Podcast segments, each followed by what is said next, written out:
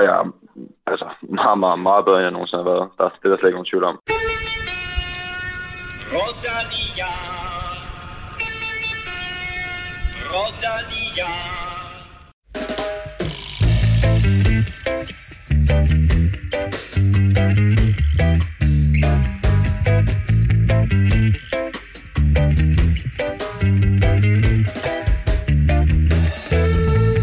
Jakob Fuglsang synger ikke på sidste vers. Tværtimod kyder han smukkere end nogensinde og kunne i søndags lade sig hylde som vinder af Ruta del Sol. Vi kigger lidt tilbage på det og meget frem mod weekendens to sæsonåbnere, hvor omlop Het Newsblad og Kørende Bruxelles Kørende skal køres i Belgien. Vi taler favoritter, ruter og danskere. Apropos danskere, så skal vi naturligvis også tale om banelandsholdet, der onsdag satte verdensrekord ikke én gang, men to gange i 4 km. Lige om lidt kan du høre et interview med holdets stjerne Frederik Rodenberg, som også fik lov at åbne denne udsendelse. Vi skal også runde UAE-tur, hvor Froome fik comeback, og Adam Yates stod knockout, samt kigge på Volta Algarve, hvor en af feltets helt store unge talenter imponerede. Og i Otvar, der var der til gengæld en af de aldrende, øh, nemlig en aldrende indianer, der satte alle andre på plads. og når vi nu er ved det der med øh, ung og gammel, så velkommen til mine to faste partnere, Stefan Djurhus og Kim Plesner. Tak. Tak. Godt, jeg har. Ja. Kim, uh, brostensæsonen glæder vi os til, den uh, skydes i gang på lørdag. Det kan blive et uh, stort dansk cykelår. Ja, det bliver dejligt at, at komme i gang. Det, der har jo været kørt en del cykelløb, må man sige, og der, der har faktisk været rigtig mange oven i hinanden her på det seneste, men øh, det, er, det er her, sæsonen går i gang hvert år. Det er det, man ser frem til, når man sidder i de der triste november slut måned der, og så tæller man ned til, til omløb. Ikke? Og vi kigger meget mere frem på øh, både omløb og øh, kørende Bruxelles kørende lige om lidt. Stefan, øh, en øh, fuldstændig vild præstation indtil videre af det danske 4 km hold på, på bane ved øh, VM i Berlin. Ja, fuldstændig. Altså, den, den, den tror jeg sgu ikke lige, vi havde set komme, øh, men, men de har virkelig øh, taget røven på os, synes jeg. Øh, ja, de har fået, på dig jo.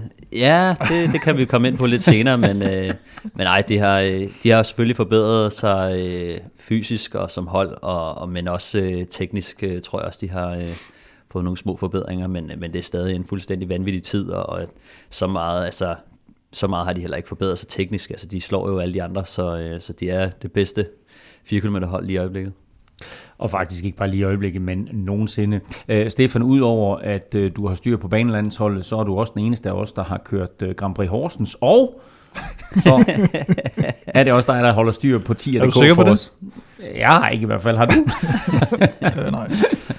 Du holder også styr på 10.dk for os, så det går sådan stille og roligt fremad. Ja, det gør det. Øh, vi er på 438, så øh, det er faktisk ikke så lang tid, til vi skal til at have fat i, øh, i de andre lækre præmier, som, øh, som Matti også har givet os. Vi uh, trækker altså lod ved 450. Tak til alle, der støtter os allerede. Og sidder du derude og synes om det, du hører, så stik os en tier. Uh, om måneden, der svarer det sådan til en stor fadøl på åen, og har du ikke lyst til at give uh, en øl, jamen, så tag lige og giv os to øl. Så er vi også ok med det. Uh, bare de der øl, det ikke er corona. Var det for tidligt? Too soon. Hashtag too soon. Nå, lidt senere i udsendelsen får du også spiltip til, øh, eller fra øh, vores faste partner fra Otse. Du kan også finde os øh, i nærmest alle podcast-apps nu på iPhone og Android, og uanset hvor du lytter, så vil vi sætte stor pris på både stjerner og en anmeldelse. Tak for de seneste anmeldelser. Kom endelig med flere af dem. Husk, at du også kan følge os på Twitter og Instagram. Det sker på Snablag Velropa og på facebook.com-velropa. Mit navn er Claus Elming. Du lytter til Velropa Podcast, præsenteret i samarbejde med Otse fra Danske Spil.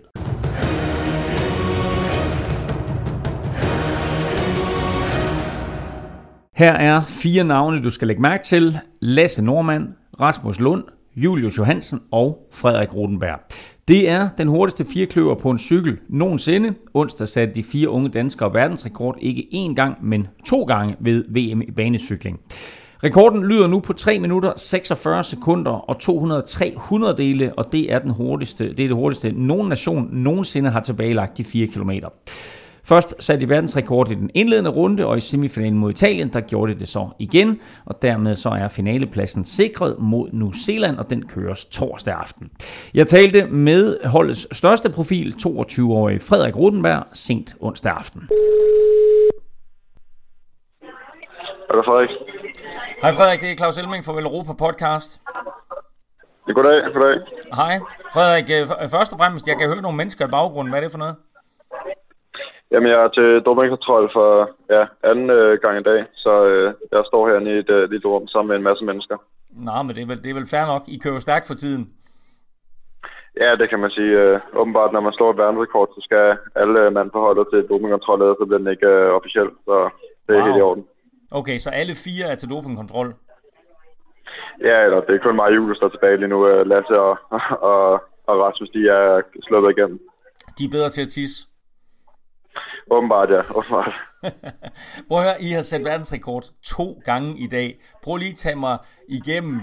Altså første gang, I sætter verdensrekord, og så 6,5 timer senere, så gør I det igen. Ja, man kan sige her i, øh, i eftermiddags, det var, det var lidt en overraskelse, at vi kørte så stærkt. Um, vi vidste godt, at vi var i, i super god form, og vores tid af ballåber her øh, til træningerne i Berlin har været gode. Uh, men at vi kører halvanden sekund fra verdensrekorden i, i indledende, det, uh, det var alligevel en overraskelse. Så det var, det var sindssygt fedt. Og så, og så gentager vi driften her for en, en times tid siden. Ja, der, ja, man kunne godt mærke benene for, for, for indledende runde. Man var, man var lidt træt, men ja, vi formår alligevel lige at knive den igennem en lidt hurtigere tid, og når også lige at knive os foran i scenerne, så det var, det var lige med ned og næppe. Altså, jeg kan godt lide, at du siger, at I havde trætte ben, og så alligevel sætter verdensrekord. Ja, man kan sige, at vi kører ikke lige så mange watt og sådan noget her i første runde, som vi gjorde indledende. Men fordi man er to hold på banen, så gør det, at man, man kører lidt hurtigere. Men okay, de andre havde også ondt i benene, så det, det er noget, alle har. Og, og fortæl mig lidt omkring, øh, hvordan det er at køre det her øh, 4 km løb. Altså, er der sådan forskellige stadier undervejs? Har I, øh, Øh, jeg ved, I har talt meget om taktik, og, og hvem der skulle slå ud, hvornår og sådan noget. Har, har I har sådan finjusteret på de ting? Øh, ja, det kan man sige. Vi justerede det på det fra formiddag, så øh, øh, Rasmus han skulle tage en lidt kortere føring i hans anden, øh, anden føring. Øh, så vi har to føringer hver. Øh, men det gjorde så også, at, øh, at Julius han endte med at tælle, tælle forkert her i første runde, så han slog ud lidt før, hvilket vil sige, at jeg kom frem en, lidt over en kilometer før mål. Øh, og så skulle jeg i princippet køre hjem. Øh, det kunne jeg så dog ikke. Øh, så jeg ender med at slå ud lidt over en omgang før mål, og så skal Lasse trille den hjem, øh, kan man sige. Så det, det var ikke helt optimalt. Øh, det jeg lavede der i hvert fald. Øh, så det er også noget, vi kan forbedre til morgen. Ja, hvordan kan det lade sig gøre til forkert? Jamen, det går så hurtigt. Man sidder jo på pumperne, og man kan nærmest ikke se øjnene, så man ved ikke, om man er i, øh, altså i første eller andet sving, og man kan jo ikke se halv, halvdelen af, hvad der foregår alligevel. Øh, så man lukker bare øjnene træder, så det er ikke altid lige til at, at ramme rigtigt. Og det er også øh, altså fedt for dig, vi har haft dig med i Europa podcast før, hvor du sådan var på vej tilbage, og mm. øh, var, ved at, var, var ved at finde din form igen. Altså kan du mærke, at, at nu er du faktisk tilbage der, måske endda bedre, end du nogensinde har været? Og ja, altså meget, meget, meget bedre, end jeg nogensinde har været. Der, det er der slet ikke nogen tvivl om. Øhm, men ja, det er jo det er dejligt at mærke, at det går kun en vej lige nu. Og jeg tror på, at øh, jeg personligt har mere at bygge på, og det tror jeg generelt, vi alle sammen har øh, på form, og ikke mindst også på udstyr og, og så videre øh, fra mod OL. Så det er det skønt at mærke. Hvor, hvor vigtigt er den her, det her VM her i, i, i forberedelserne til OL? Det er sindssygt vigtigt. Øhm, det er det sidste, ja, vi kører før, øh, før OL. Vi har ikke, vi har ikke nogen løb øh, tilbage. Eller jo, vi har finalen i morgen, øh, men ellers har vi ikke nogen løb tilbage for en, der kunne se, hvad vi kan øh, mod de andre nationer. Øhm, så det er jo altså, ligesom generalprøven, kan man, kan man sige. Øh, så det, det er vigtigt, at man laver en god figur her og, og får testet nogle ting af. Og hvad er det helt præcis for nogle ting, I har testet? Ja, man tester lidt forskellige gear, og man får tester ja, forskellige længder, føringer og den slags. Øhm, så altså det, det er det sidste mulighed, vi har for at gøre det øh, før, før OL. Øhm, så nu, ja, nu ved vi cirka, hvad vi skal gøre. Og, sådan. Og så den sidste store test, som du selv siger, det er finalen torsdag imod New Zealand. Hvordan ser du det opgør? Det bliver helt vildt tæt. Øh, hvis vi kører til vores bedste, så, øh, ja, så kan vi måske øh, knive os foran den. Men det kræver også, at vi gør det. Hvis jeg ikke laver nogle fejl, så, så straffer de os med det samme og, og kommer flyvende. Så ja, det bliver, det bliver et tæt løb, men vi tror på det. Vi håber naturligvis, at øh, I, I bliver verdensmestre. Men prøv lige at mm. fortælle mig, hvad der kommer til at ske fra torsdag og så frem til OL i Tokyo. Jamen, øh, øh, i forhold til mig selv, så øh, bliver jeg hernede i Berlin og er reserve øh, til parløbet på, øh, på søndag. Øh, men derefter så, øh, så får vi alle sammen, eller Lasse han får ikke så meget, øh, men vi andre vi får en lille pause her efter VM, øhm, og så bygger vi, og så begynder vi at bygge op mod landevejssæsonen og, og køre øh, det meste af forårssæsonen her øh, ind til DM på landevej, hvor vi så øh, tager på den øh, afsluttende træningslejr op mod OL. Øhm, og så ja, igennem øh, sæsonen her, der, øh, der tester vi også en del ting på banen og får styr på de sidste ting i forhold til udstyr og sådan noget. Og hvordan er det med holdet? Altså de fire mænd, som, som I kører VM nu, øh, er det de fire, som mm. der bliver sat på til OL også? Eller øh, hvordan ser det ud? Det er lidt svært at sige. Øh, vi har jo stadig Niklas, som, øh, som vi ved er måske vores stærkeste mand, hvis han kommer tilbage i topform. Øhm, så det kan vi jo kun håbe på, at han gør. Øh, men så er det nok også fire, som, øh, som lige nu står i første række til, til holdløbet, hvis, øh, hvis ikke han bliver klar, hvilket vi dog satser fuldkommen på, at han gør. Øh, så med Niklas øh, i band, så er det nok også fem mand, som øh, øh, skal dele som holdløbspladserne to, og så Michael øh, til parløbspladser også. Og hvis man kigger på sådan fire mand og det samarbejde, der ligger, og så har I Niklas, som selvfølgelig også er, er rutineret. Er det nemt nok bare lige at skifte en enkelt plads ud? Fordi, altså lad os sige, at Niklas er stærkere end en af andre. Er det nemt nok så bare at skifte ham ud, øh, og så kender alle rutinen og ved præcis, hvordan det hele fungerer? Nej, det er det overhovedet ikke. Nu er det, nu er det lang tid siden Niklas han har kørt holdløb, øh, eller han kørte holdløb sidste år til VM i Polskov. Øh, men ellers så har han ikke, han har ikke kørt med den nye taktik, vi kører her.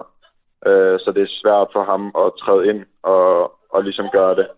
Øh, men igen, han har så meget rutine, han har kørt så mange år nu, så det, det tror jeg ikke bliver noget problem for ham. Øh, det handler egentlig bare for ham om at blive fysisk klar igen, så, så tror jeg godt på, at han kan, han kan være med om, øh, op pladserne. OL er lang tid væk. VM-finale er i morgen. Får vi endnu en dansk verdensrekord? Jeg tror, man bliver nødt til at sætte øh, verdensrekord igen øh, for at vinde, så øh, det, det håber jeg, vi kan, øh, men det bliver ikke nemt. Jamen sådan, så ved nu Zealand, hvad de er op imod. ja, øh, nu må vi se på det. Øh, men de kommer også til at køre stærkt, ja. Det er godt. Frederik, jeg håber, at øh, du snart kommer til at tisse, og så skal du altså tak, fordi du har tid til det her. Ja, det er i orden. Øh, så må have en god aften. Tak skal du have, Frederik. Hej. Det er godt. Hej. Kim, øh, vi taler meget om de danske talenter på landevejen, men altså, vi må også sige, at talentudviklingen den har slået igennem på bane. Ja, det, det vil jeg sige, og, øh, og nu har vi jo i hvert fald tre banefolk samlet op på, på Uno X hos vores øh, norske venner. øh, Rodenberg og, og Julius her for 4 km holdet ved VM, og så Niklas Larsen, som jo har været, været udenfor. Sweet Larsen. Sweet, Sweet Larsen, ja. Som, øh, som Rodenberg også snakker om her, er den ja. femte mand jo. Ja, og, øh, og så kan man jo sige, at vi er jo ikke de eneste, der har, der har fostret talenter for banen. Det er, jo, det er jo noget, vi har set specielt i, i engelsktalende lande. Vi har øh, øh, Storbritannien med Wiggins og Cavendish og Geraint Thomas, og så, øh, og så specielt Australien, som jo er altså, nærmest alle deres ryttere. Jeg lavede lige sådan en, en check-up på dem, og, og fandt bare lige sådan hurtigt øh, Simon Gerrans, Stuart O'Grady, Rowan Dennis, Caleb Ewan, Bradley McGee, Mark Renshaw. Altså det, mm. er, det er ret mange af deres, øh, og det var netop også en, en, en banesatsning, de lavede på et tidspunkt, og så, og så transformerede de nogle af de rytter over til, til landevejen. Ja, man ser det også for eksempel på Italiens hold, øh, bare nu, øh, ja. der har de jo Filippo Ganna på, som jo er italiensk mester, ja. eller har været. Er han det? Det jo, og som er jo enkeltstart specialist, og, ja, og Viviani selvfølgelig, som, og, som kommer for banen. Viviani, som også øh, kører, nu ikke lige den her gang, mm. og, øh, men så har de også Simone Consoni på holdet, ja. som jeg også, øh, altså de, de to, øh, to af dem er jo landevejs øh, stjerner, kan man jo godt sige, så, så de har også fået det til at fungere. Ja. Og Stefan, øh, vi snakkede lidt, lige lidt kort om det i starten, men du sagde noget med, at øh, Danmark maksimalt vil få bronze til OL i Tokyo her i, i juli-august. Ja. Øh, skal vi sætte forventningerne lidt højere nu? Ja, det tror jeg, vi skal til at, at sætte forventningerne lidt op. øh, jamen, jeg, nej, jeg ved sgu ikke rigtigt. Øh, jeg, jeg tror bare, øh, efter Australien satte øh, verdensrekord, og New Zealand har set rigtig stærke ud, så så det nærmest umuligt ud øh, i forhold til, til danskerne. Og øh, jeg tror bare, at den trup, som, som, som vi har, er så ung, at de bare er i rivende udvikling. Og, øh, og de, øh, altså, de har jo vist sig som, som de stærkeste nu, så... Øh, så hvis de også vinder i aften øh, over New Zealand, så, øh, så skal de jo klart øh, regnes som favoritter. Øh, jeg tror, at så vidt jeg kunne forstå, så har Australien også nogle, nogle ting i ærmet. Øh, teknisk i hvert fald frem mod OL, men det, det, det kunne jeg også forstå, at, at danskerne vist også havde, øh, og de kører jo på, på samme øh, ramme Øh, men jeg så øh, Australien køre på nogle, nogle andre hjul for eksempel, men, men øh, der er noget teknisk øh, magtkamp der, tror jeg, øh, som måske kan, kan spille et pus, men, øh, men ellers så, øh, altså, så, øh, så, er det, så er det det bedste. Altså, der er ikke så meget at sige. Øh, og det er jo vildt nok, fordi øh, Frederik siger også her, jamen altså, altså prøv i den indledende der onsdag, der slår de altså den eksisterende verdensrekord med halvandet sekund, og så slår de den så yderligere med, er det 0,3 lidt senere på dagen. Øh, og han siger, jamen vi er slet ikke færdige med at optimere. Mm. Vi, vi tester ting, siger ja. han. Altså, så, så de, bliver, altså, de bliver endnu hurtigere til OL forhåbentlig. Ja, altså de har jo lagt en ny plan, som, som han også øh, kunne fortælle. Ikke? Nu kører de med, med Rasmus Lund, øh, som starter ud. Øh, jeg tror til OL i Rio, der var det Frederik Rodenberg, der, der åbnede ud for dem. Øh, nu er det Rodenberg, der gør det færdigt øh, og tager de sidste øh, føringer på, øh, eller den sidste føring. Øh, så, så en ny strategi, øh, ny, øh, nye tekniske detaljer, øh, det, er, det er utroligt spændende. Men i forhold til verdensrekorden, fordi jeg var også ude og snakke med nogle, nogle banefolk, øh, specielt også øh, Mark Hester, øh, som jo øh, kører meget seksdagsløb, om hvordan kan det være, at de kører så hurtigt. Altså, men han siger, at, at banen er øh, ret hurtig, og så var det også noget med lufttrykket. Det var, øh, det var lige... Øh, altså det, det sad lige rigtigt, så, så, så det var en, altså en hurtig aften. i dækken, eller hvad? Nej, lufttrykket i arenaen. ah. øh, det er, lufttrykket har en, en betydelig faktor i forhold til, hvor hurtigt man kører. Øh, og, og der var øh, et lavt tryk øh, i, i Berlin øh, på dagen, så, øh, så det, det, der var gode muligheder for at køre hurtigt. En anden ting, som der også typisk er, det er, hvor varmt det er inde i, øh, inde i hallen. Øh, og øh, siden øh, det er et, et, et stort arrangement, så, øh, så er der også mange mennesker, og det gør også, at varmen den ryger op. Øh, så, så man kører betydeligt hurtigere, når, når trykket er lavt, og, og der er fu- fuldt pakket. Øhm, så er der også noget, noget vind, og det lyder lidt mærkeligt, men, men der er, hvis der sker noget turbulens nogle gange i, i Ballerup Super Arena til seksdagsløb, så er der åbne døre. Det skaber noget vind inde i, i hallen, som gør, at man kører langsommere. Jeg tror, at i, i Berlin til, til VM, der tror jeg, at de måske har haft lukket døre. Så betingelserne har også været der til at køre en, en god tid, øh, men, men den kommer jo ikke af sig selv, det er klart. Øh, og de, de, er, de var dem, der kørte hurtigst øh, i går, så, øh, så, så jeg synes stadig, at rekorden er bestemt valid, specielt når den er så, så stor en forbedring. Så voldsom, ja. ja. Ja, det er jo det, jeg så også, at uh, Pete Kenyock, uh, tidligere mm. Team Sky-rytter, uh, han var ude og sige sådan, jamen, hvor, altså, hvornår stopper det her? Øh, med, med altså, hvor, hvor, hvor, hvor langt kan vi komme ned? Og man kan sige, jamen, altså, teknisk set kan du komme ned til et sekund eller en hundreddel, men det sker nok ikke. Men øh, så skal, du, skal det gå rigtig stærkt. Men, øh, men, men der er jo ikke nogen... Og der er, sæt i gang. Færdig! der er ikke nogen nedre grænse, men, men, øh, og, og det er jo ikke, fordi jeg er gammel, men jeg kan jo sagtens huske dengang, at, at, at fire minutter var mm. sådan en magisk grænse. Og man siger, ah, under fire minutter, ah, det er alligevel, det er alligevel vildt, når man kommer derunder, ikke? Ja. Og så er vi så nede på 3,46 nu, ikke? Det var sjovt også, specielt øh, for sådan en mand som Michael Mørkøv, som jo har været med til at tage, tage guld før øh, for Danmark. øh, og jeg tror nærmest, de kører 10 sekunder hurtigere, ja. end øh, det, de lå og kørte rundt dengang. Så det er bare vanvittigt, fordi at Michael var jo god øh, også dengang, øh, og er jo også blevet, øh, altså i hvert fald endnu bedre, øh, en større stjerne siden da, så altså, det er lidt sjovt, øh, så stor en forbedring, øh, der kan gøre, men jeg tror også, at altså, en ting er, at træningsmetoderne måske er blevet lidt bedre. Øh, de kørte jo alle sammen efter sådan et, øh, det var en, der hedder Heiko, sådan en tysk landstræner, der stod meget Salzwedel. på træning. Salzwedel. ja. ja. Øh, hvor de kørte meget specielt. Jeg tror, de, det, det træningsprogram, de kører nu, som jeg kan forstå det, det er øh, meget sådan intensivt og målrettet øh, hvor de med Heiko kørte sådan noget, og så kørte de måske 9 øh, timer, øh, bare øh, piano, som det hedder, når man kører stille Men det er ham Ferrari, der har lavet det nye her, ikke? Nej, men... Oh, men vælger mærke sønnen jo. ja, men, men som jeg kan forstå det på, på Frederik, og nogle gange, når jeg hører om deres træning, så er det sådan noget med, at de kører ud så har de halvanden time, og så er det bare bang, bang, bang med intervaller, og så hjem igen. Mm. Så de kommer, altså de er meget, meget målrettet, øh, og de tager jo meget sted på de her højdetræningslejre, hvor de er fuldstændig isoleret, så det er et, nærmest et, et umenneskeligt øh, schema, de har også. Øh, så, så på den måde tror jeg, de har udviklet sig der. Øh. Men det kan, være, de, det kan være, de skal træne i at blive bedre til at tælle, fordi ja. øh, hvis man så på semifinalen mod Italien, mm så sker der jo faktisk det, at øh, danskerne fucker lidt op. Fordi ja. det, det er meningen, at Frederik Rodenberg skal slutte det hele af. Men Julius Johansen kommer til at tælle forkert og slår ud for tidligt. Mm. Og øh, det betyder så også, at Rodenberg han ikke kan afslutte, og selv er nødt til øh, at, at, at slå ud. Mm. øh, selvfølgelig lægge sig ned bag os, fordi kun tre på det tidspunkt der, og så er det Lasse Normand, som, som slutter det hele af og må trække den hjem. Men det betyder så faktisk også, at italienerne minimerer forspringet fra næsten halvandet sekund til danskerne til 0,3. Mm. Og så kan man så lige vente om og så sige, at det betyder så også, at hvis danskerne måske havde optimeret det løb, og det brokkede Frederik så også bagefter, både til os og til andre medier, og man han synes faktisk ikke, at det var teknisk godt, det løb, de kørte. Men det betyder også, at de kunne faktisk have knust den verdensrekord, hvis de har kørt op til det bedste. Men Hvorfor, Stefan? Altså, jeg prøvede også på at spørge Frederik øh, om det og så videre, men, men, men hvad tænker du? Altså, hvordan, hvordan kan det lade sig gøre det her, og komme til at tælle forkert øh, i, i så vigtigt løb? Ja, altså en ting er jo, at, øh, at det er jo aldrig godt i et cykelløb at gå ned mod enden. Øh, ikke at sige, at man skal. De, de, jeg tror, han var jo skuffet, fordi at der var noget, der glippede, og det gik efter planen, så selvfølgelig tabte de lidt tid der. Øh, men jo, altså det er sjovt at høre, fordi at, øh, jeg tror ikke, der er så mange, der forstår det. Det burde være så simpelt at, at holde sig til en plan og sige, okay, jeg kører hertil, og så kører du dertil og så videre, men når man kommer helt derop, hvor man er så presset, altså så, så forstår man bare ikke rigtig noget, og man, øh, man, man øh, tager fejl, og man glemmer ting, øh, så, øh, så, så det hele bliver lidt forvirrende, når man er op i, i, med så høj en puls, og, og man sidder på, på en cykel. Øhm, så, så jeg kan sagtens forstå, og specielt når, hvis, hvis Julius har haft ondt i benene, øh, og, og nu, nu føles det ikke lige rigtigt længere, så, øh, så begynder man lige pludselig at finde på nogle smarte løsninger.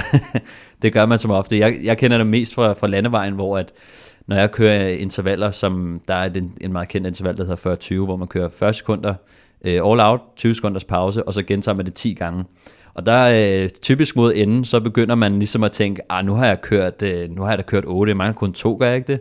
Og så når man er færdig, så finder man ud af, at jeg har kun kørt 8 eller 9, øh, så man mangler lige den, den ekstra, ikke? Men ens øh, hjerne vil så gerne have, at det er overstået, øh, eller hvis, altså sådan, så man begynder at, at tvivle på sig selv, og så, så vil man gerne have, at det er overstået. Så jeg tror også, at det, det, det der kan ske for Julius, er, at han tænker, åh, oh, det var der hertil, var det ikke det? Øh, så slår jeg ud der, og så, ja, det, det er sådan noget, der, der, der kan fuck op, når, når man virkelig sætter det på spidsen. Det skal i hvert fald øh, sidde 100% i skabet i aften, når finalen køres mod øh, New Zealand, og det er altså torsdag aften, det er kl. 19.25, og øh, hører du Europa podcast her lige efter vi er udkommet, så kan du altså lige nå at slå over på tv og se den. Resultatet når vi desværre ikke at få med her, men øh, Frederik Rodenberg, han sagde det jo kort og godt, det kræver endnu en verdensrekord at vinde VM. Inden vi kommer videre i udsendelsen, så skal vi jo lige have sat den øh, efterhånden savnomsbundne quiz i gang, og øh, lad os lige lynhurtigt rise op. Stefan fører 2-0. øh, Kim, det øh, vil være på sin plads, at du lige øh, viser noget form igen og vender tilbage til, til øh, sidste års øh, storform, hvor du nærmest svarede korrekt på alt, hvad du, jeg overhovedet øh, smidt hovedet på jer. Som nævnt tidligere i udsendelsen, så starter sæsonen lørdag. jamen, øh, jamen, så lad os da starte med et spørgsmål, der netop har med lørdag at gøre, nemlig omlå et uh, newsblad. For to år siden, der vandt Michael Valgren.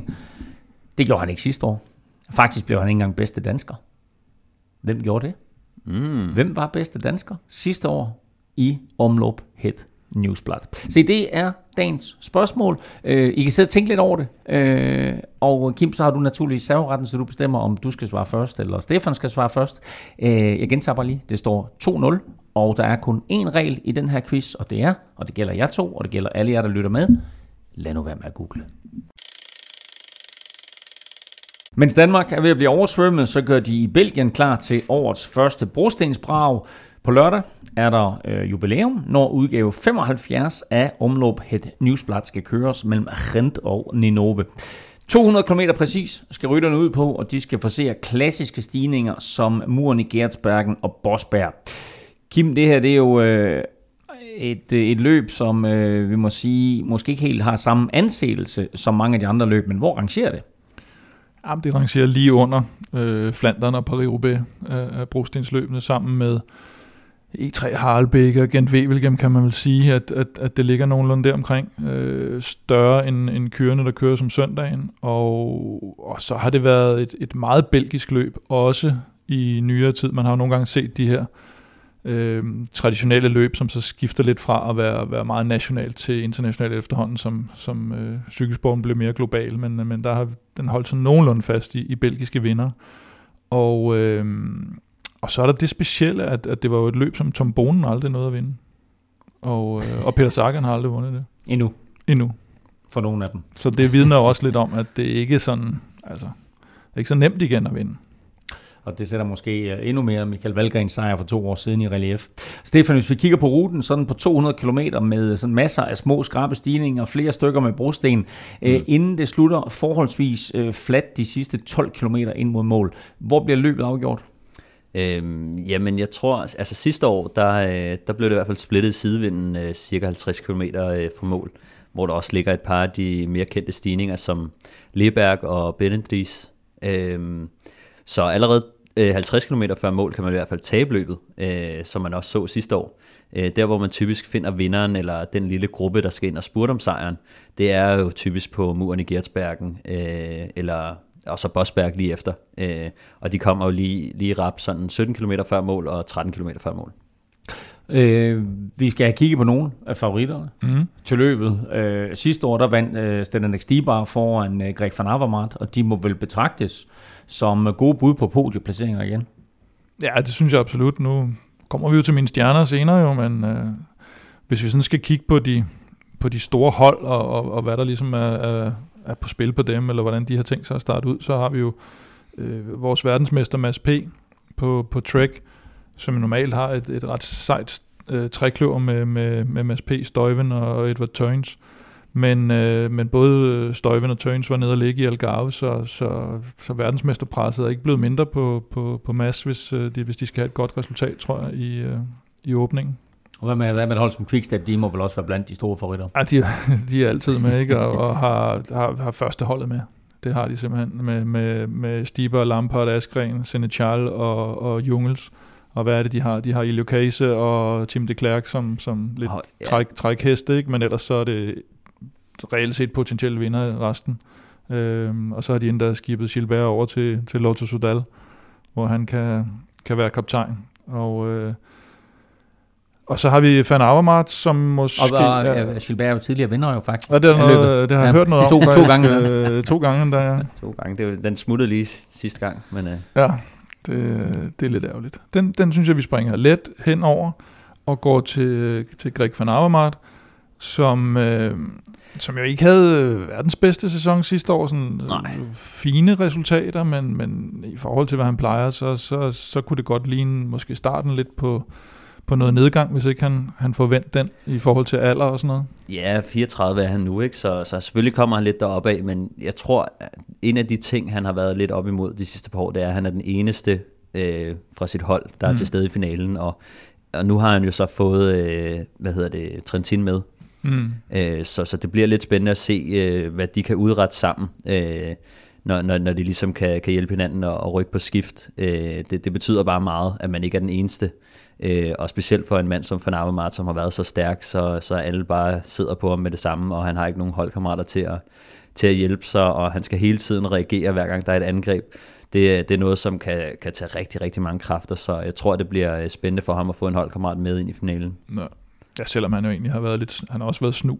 Øh, meget der, hvor, hvor Sagan lige pludselig ja blev sådan lidt træt af, at alle kørte mod ham, der, der øh, Det var noget, som han nød godt af ja, dengang, ikke? Og, og øh, desværre så er han selv kommet lidt i favoritrollen, og han har slet ikke været cool nok i, mm. i finalerne de seneste par år, synes jeg. Øh, han har øh, taget favoritrollen på sig hver eneste gang, og, og hver gang der er nogle af de andre, der har angrebet, så har han skulle sidde og, og lukke øh, de huller.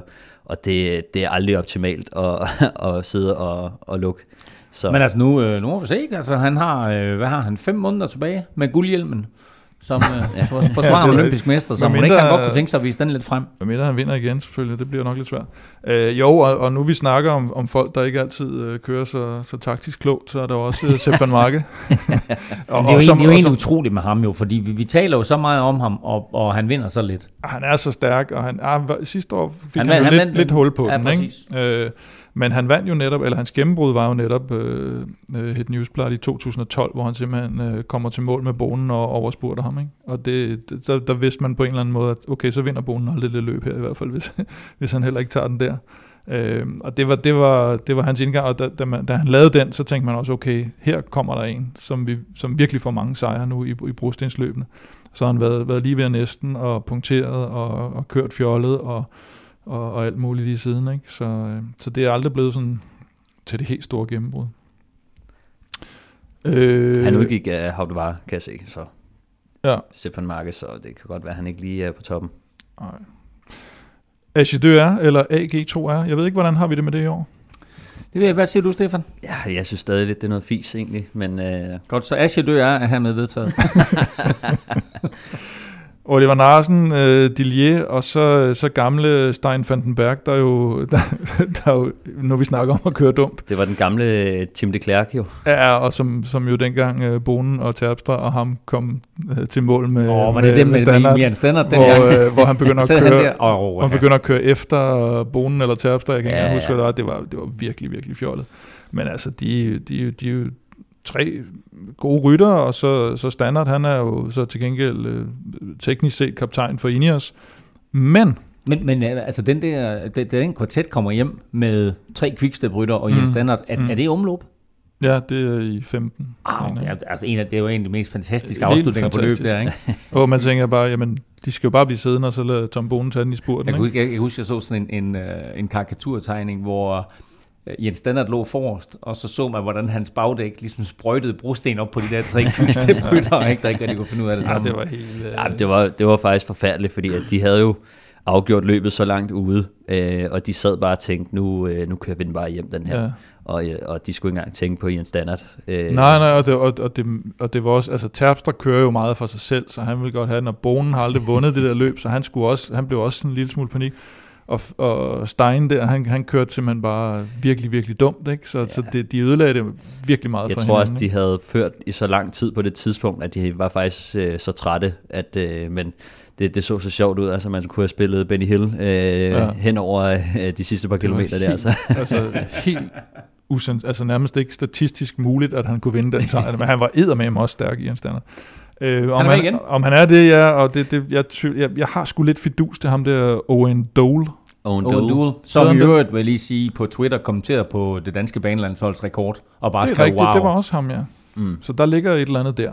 Blev han toer sidste år? Øh, Nej, ja, nej, han ikke- blev, det var, det var øh, Greg. Han blev toer i et Ja, han øh, øh, godt kørte løb. nemlig godt i foråret sidste år, og han øh, har lige en øh, frisk etappesejr med sig fra Provence, så, øh, så ham, øh, ham skal man måske holde øh, lidt øje med. Måske er han med i noget spilforslag senere. Det kan man aldrig vide. Det kan man aldrig vide. Det kan man aldrig vide. allerede. Han blev toer i Kunne. Det Det er det. der, han blev toer. Og så er der jo øh, Michael Valgren. Så blev du stille. Så blev det stille. Han, øh, ham og Borsen Hagen, som blev træer i 14, de er jo topnavnene. Øhm, det er svært, ja. Der jeg vil lige sige, altså, øh, jeg, havde, jeg skrev øh, lidt med, med Michael i, i løbet af ugen her, og spurgte, om han ville være med i Europa podcast, og så sagde han, han fokuserede på familie og træning, men lovede os, at hvis det gik ham godt, så ville han være med i næste uge. det, Og så, sådan, sag, og så sagde jeg til ham, at sidst, at han lovede os et vinderinterview, der vandt han. og det er rigtigt. Så øh, nu håber vi på, at, øh, at der er noget en lidt ja. Europa-effekt over det her. Jeg synes, øh, hvis man så øh, det franske løb, øh, Etoile Bassage, Mm. mm. øh, der blev han øh, femmer øh, på den afsluttende enkeltstart. Det synes jeg var, øh, var sådan okay. Øh, altså, det, det må Absolut. betegne, at, at der er noget form på. Jeg ved, at Kort han blev toer. Øh, Og men altså, altså Men, Valgren har umiddelbart fået en bedre start på sæsonen, end han Mm. gjorde sidste år. Så, ja. Det der, altså det der er med det her løb, det er også, at den måde han vandt det på for to år siden, jeg er ikke sikker på, at han, kan vinde det på, han kunne vinde det på samme måde nu med den status, han har fået. Efter han også har vundet Amsel. Altså det, det, de, han skulle lige have det snor, han fik for to år siden, for at vinde det på den måde. Og hvis han skal vinde det på en anden måde, så, så skal han være virkelig, virkelig skarp. Ja, her så, så har du ikke lyttet til Villeuropa podcast i sidste uge, fordi der sagde Stefan, at det var den måde, han skulle vinde på, hvis det var. Jeg, synes, jeg tror, været jeg tror at hvis du lige, altså nu, når, når, når vi nu nævner alle de navne, som der er, øh, Mm. mm. så, øh, så er han jo ikke den største favorit. Nå. Altså selvom han har vundet løbet før. Øh, han har jo holdkammeraten øh, Borsen Hagen med, som jo er den mere spurtstærke, så hvis han skal øh, derudad, så, øh, så skal han jo prøve at angribe øh, på Bosberg for eksempel, Hmm. øh, med hen over Gertsbergen. Den er jo den er lidt svær at, at køre væk på. Øh, Jeg tror, han skal med i et hug. Ikke? Men, altså, jeg, øh, tror, jeg tror ikke, han får, får lov at lave den der solo... Jeg tror, han skal med i et hug, og så tage den forfra, ikke? hvis han skal... Nå ja, men altså, det, jeg vil bare sige, det, det er svært at køre afsted inden Gertsbergen, Mm. fordi at alle er så tændte lige der, Ja, ja. øh, og, og den, altså, den snæver meget ind, og altså, det bliver øh, en udskilning, øh, men jeg tror, at han skal prøve at, at tage røven på dem øh, umiddelbart efter Gertsbergen. Mellem Øh, Gertsbergen og Bosberg. For eksempel, der kommer den lille nedkørsel der, hvor Ja. man måske godt kunne, sidder man i en øh, femte position eller deromkring, så kunne man måske prøve, hvis man har overskud selvfølgelig, at prøve at lave en sniger. Men, men er, det, er, det, altså, er det ikke mere væsentligt for Michael, at han bare kommer med øh, i, i det afgørende, om ikke udbrud, så i hvert fald hug, og så sidder med op over, og så har han det der øh, øh, slangehug, som han kan, så kan fyre af, når, Jo, det er når de klart, andre hvis han- sidder lidt på, mm. på grænsen. Jo, altså hvis han sidder i en mindre gruppe, så er det jo ikke så meget om, om netop, om man får den der snor, så er det mere med, hvem der rammer momentet, og hvem der er stærk og sådan noget. Og, og i sidste ende, så ved vi det. Det, det handler om. God form og en hurtig cykel. Jo, men et, altså Det er en det. afgørende faktor for Valgren, det bliver, om, øh, om han har Borsen Hagen med. Fordi at hvis de sidder to rytter mm. i en, øh, lad os sige, en, en, øh, en 10-mandsgruppe, en 15-mandsgruppe, og Valgren angriber, så vil de være lidt lunkne i forhold til at køre ham ind igen, hvis Borsen Hagen sidder der, fordi at mm. der er ikke nogen, der tør blot sig, specielt ikke, hvis, øh, altså hvis, hvis man ved, at nu kommer Borsen Hagen bare næste gang. Og vi har også set, at Borsen Hagen, han, øh, han godt kan lide at lave de her øh, ryg øh, selv også lidt længere udefra, eller åbne en mm. tidlig spurt eller sådan noget, så han, øh, han kan også være lidt tricky, så jeg tror, det vil være rigtig godt for Valgren at have ham med, og, øh, fordi at sidder der en blå trøje øh, med fremme, så, øh, så, så, så kan de blive sådan lidt i tvivl om, om de skal køre efter ham eller ej. Men jeg tror heller ikke, jeg tror heller ikke, vi skal måle, og jeg tror heller ikke nødvendigvis, han måler sig selv på den der, altså på den ultimative triumf. Han har vundet det her løb før. Jeg tror, det det handler om for ham i forhold til sidste sæson, det er at komme godt fra start og vise, mm. at han ligesom kan sidde med fremme, om, om han så lige rammer det ene eller det andet og sådan noget, fordi han har, han har andre mål senere hen i sæsonen. Så for ham er det mere at komme op i den her pulje af, af rytter, hvor vi kan se, okay, de her, de, de bliver nok meget gode i, i forårssæsonen, og den, den missede han lidt sidste år. Ikke? Hvis vi øh, kigger lidt på øh, Songweb, så snakker vi om Søren Krav øh, lige om lidt. Men øh, vi har også en fyr som øh, Thies Beno. Ja, det er sæsondebut. Det er det vel egentlig også for Søren Krav. Øh, ja. Hvorimod øh, Kasper P., han havde, øh, han havde lidt, øh, lidt godt lead-out nede i, i Algarve også med, med, med Kees Boll, der, der vinder en etape dernede. Det er svært at sige. Beno plejer jo at være klar for sæsonstarten og med, med, med Strade Bianca og sådan noget, Ja, ikke? det så, han. så han, han, han skal nok være der og, og køre sikkert en, en top 10 et eller andet sted. Jeg tror i, også, de i har den. været lidt bange for at tage til Portugal efter Fadesen sidste år, hvor de alle Ja. sammen blev syge. Ja, så det kan godt være meget smart at, at springe den over. Jeg, altså jeg tror jo ikke øh, af gode grunde så meget på Søren Krav i foråret. Den har vi ligesom fået etableret, det må jeg ikke tro på. Så Ja, nej, men jeg vil sige, det er selvfølgelig altid svært, øh, når man kommer ind i sådan et her cykelløb uden øh, løbsfart. Altså, øh, så jeg vil håbe, at de har fået kørt noget pace eller, Ja. ja. eller noget løbsimulering på en eller anden måde, fordi at det som, altså som jeg i hvert fald ofte har oplevet, når man starter sit, hvis man starter sæsonen senere end de andre, det er, at at man har trænet øh, sine intervaller og sørget for at komme i god form, men man er ikke rigtig klar på den der positionskamp, og man er ikke rigtig klar på, at at der bliver accelereret ud af alle sving, og der bliver accelereret på alle bakker og sådan noget, og, øh, og under sin egen træning, så, så accelererer man typisk ikke 200 gange, øh, hvis man har 10 mm. intervaller. Så, så nogle gange kan det lige øh, hæmme en, i hvert fald lige starten. En, der ikke accelererer i weekenden overhovedet, ja, det gør han ikke. det er Mathieu van der Poel, fordi øh, det er kommet frem her torsdag, at øh, han på trods af, at han var øh, på den, øh, hvad skal vi kalde det, forhåndsstartlisten, mm. så er han altså meldt fra, både til omløb og til kurene. Ja, og det, jeg, altså, og det er sgu ikke for at sidde og spille, øh, spille bagklog. Det er det egentlig også. Men, øh, men vi snakkede faktisk inden udsendelsen, og inden vi så, at han havde meldt afbud der om, at, at det, det er lidt satset at, at køre ham op som den der helt store favorit, når han, når han ikke rigtig præsterede i Algarve, og han, han trods alt lige har haft et lille break i, efter cross-sæsonen. Cross. øhm, men han er bare også så god, at, at man kan jo godt forstå, øh, Ja. at, at, at man ligesom falder lidt på halen, men, men jeg, jeg har drøftet det også lidt med nogen nede i Holland, som også havde ham som, altså de havde ham slet ikke på listen, altså i at give stjerner, de havde ham sådan lidt som sådan en dark horse, og så så jeg, at danske spil havde ham som topfavorit, øh, og så tænker jeg lidt, okay, hvorfor? Øh, og nu kommer vi ikke til at diskutere det, så, så nu ved vi ikke, hvem der fik ret. Men altså, hvad, hvis man kører øh, cross i, i 0 grader Nej, i, i cross. kort kort, Cross. cross i kort kort, så, øh, så har man også øh, sat øh, røven i klaskehøjde i forhold til, ja. til noget sygdom. En anden, øh, en anden cross-rytter, det er Wout van Aert. Uh, han er tilbage. Vi har ikke rigtig set ham, uh, siden han styrtede i uh, Tour de France på enkeltstarten der. Uh, Kim, hvad, hvad siger vi til ham? Ja, men han, ham er jeg også lidt tvivlsom overfor. Øh, jeg, han, han er også så, så stor et talent og så stor en rytter, at, at han nok skal han sikkert nok skal vise sig frem på en eller anden måde, men, men jeg har svært ved at se ham ryge på podiet i hvert fald. Men, øh, men, men man, skal, man skal bare passe på med lige præcis de to rytter her, og Remco Evenepoel. Ja. Og med at sige, at, øh, at man ikke tror så meget på dem. Men, men jeg, jeg tror mere, at det bliver sådan en middel præstation i det første løb her i hvert fald. Og, og Remco, han er ikke med? Nej. Sådan, så er det afklaret. Men det altså, øh, altså, vi har set uh, Wout van Aert, han blev fire til, til VM i cross. Uh, så, så han er nogenlunde i form. Mm. Men altså, hvis, vi, hvis man plejer at se, så plejer han at blive nummer to efter Van der Poel. Ja. Uh, så, så han er ikke i den form, som han plejer at være på det her tidspunkt. Mm. Øh, så derfor så tror jeg også lige, man skal, han skal nok lige bruge lidt længere tid på at finde tilbage til, til topniveauet. Men øh, det bliver spændende at se ham, fordi at med det talent han er, og han plejer bare at være der, så man ved, man ved aldrig, men der må mangle en eller anden form for, ja, det, må, øh, det må vi gå ud fra. For, for form eller base øh, lige nu. Vi taler meget mere om øh, favoritterne lidt senere, fordi der kommer Kim nemlig for første gang i år med sine stjerner. Øh, ifølge den forløbige startliste, der har vi syv danskere med i omløb på lørdag. Det er Kasper Askren fra Quickstep, det er Mads Pedersen fra Trek, Mikkel Bjerg fra UAE, Søren Krav og Kasper Petersen, begge fra Sunweb, og så altså Michael Valgren fra NTT, og så er Andreas Stokbro også på startlisten, og ham kender du særdeles godt, Stefan. Det er da noget af en opgave.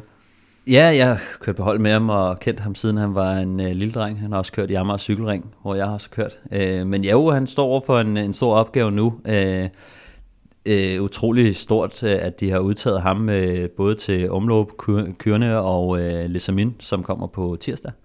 Øh, så han er med det samme gået ind og blevet en del af, af klassikertruppen, øh, så det er jo utrolig flot. Øh, men altså, vi så ham også vinde sidste år øh, i øh, U23 Flandern, så, øh, så han har vist, at han, øh, han kan det her. Jeg tror umiddelbart, at han får en øh, hjælperrolle for, for Valgren. Øh, jeg skrev lidt med ham for nogle dage siden, hvor han også sagde, at han regnede også med, at han skulle hjælpe Valgren, men han havde faktisk ikke fået noget at vide endnu. Og det er jo klart, altså de holder øh, som regel ikke taktik med, øh, hvad hedder det, fem dage før. men men det var det, han regnede med. Og så, så prøvede jeg også lige at spørge ham, så, om hvad kommer Bjarne med til, til cykelløbet, så sagde han, at altså det regnede han med, men øh, Bjarne, han, han dukker bare sådan lidt op en gang imellem. De vidste ikke rigtig, hvornår. men sagde, han, han regner med, at han kommer til omlåb, men han var lidt i tvivl om, han ville dukke op til, til Kyrne eller Samin. Øh, så de, de, de ved ikke rigtig, hvor han er henne. Det er ikke sådan, øh, så det er faktisk ikke sådan, at Bjarne han sidder fast i bilen, og de kan regne med ham, og det er han, der svinger taktstokken endnu er det i hvert fald ikke sådan. Øh, lige Ej, nu tror, så, så popper han bare lidt kan, op. De kan nok regne lidt mere med, at Lars Mikkelsen sidder i bilen i hvert fald. Ja, det var også det, han sagde, at øh, de har en sportsdirektør, der hedder Gino, og, øh, og Lars Mikkelsen øh, er dem, der kommer til at lægge taktikken sådan lige umiddelbart. Også bare et par rutinerede her. Øh, vi har øh, vi talt lidt om Valgren. Vi har tre andre store kanoner med Kim, og ham, som jeg tror, du har størst forhåbninger til, det er Kasper Eskren. Ja, jeg synes, det bliver det bliver lidt spændende at se, at øh, jeg synes, at han har sådan prøvet sig lidt af her i sæsonstarten. Han øh, holder normalt et højt niveau hen over hele sæsonen, og han skal også, øh, han, han skal ligesom, nu skal han sådan næsten forsvare sådan en position, han har fået på mm. holdet fra sidste år. Det hjælper ikke noget, han, han, øh, han hviler på laverbærene og, og, og tænker, at nu, nu venter jeg bare til de store løb, fordi så kommer der altså bare nogle andre med øh, og bliver udtaget til truppen, fordi de er så stærke selv uden øh, Philip Gilbert. Vi har, øh, vi har talt om det her hierarki, og, og, og det, det hold, som øh, Quickstep kommer med, det er jo simpelthen vanvittigt stærkt. Hvor er han henne der, Stefan? Fordi nok gjorde han det fint sidste år, men altså, de præstationer, han har gjort sidste år, har de gjort nu, at han får lov til at køre sin egen chance, eller har han stadigvæk en eller anden hjælperrolle ind til Anne ligesom åbner sig op i løbet? Nej, jeg tror, øh, efter sidste år, så fik han kørt sig ud af den her øh, hjælperrolle. Øh, vi så ham jo være hjælper i Flandern.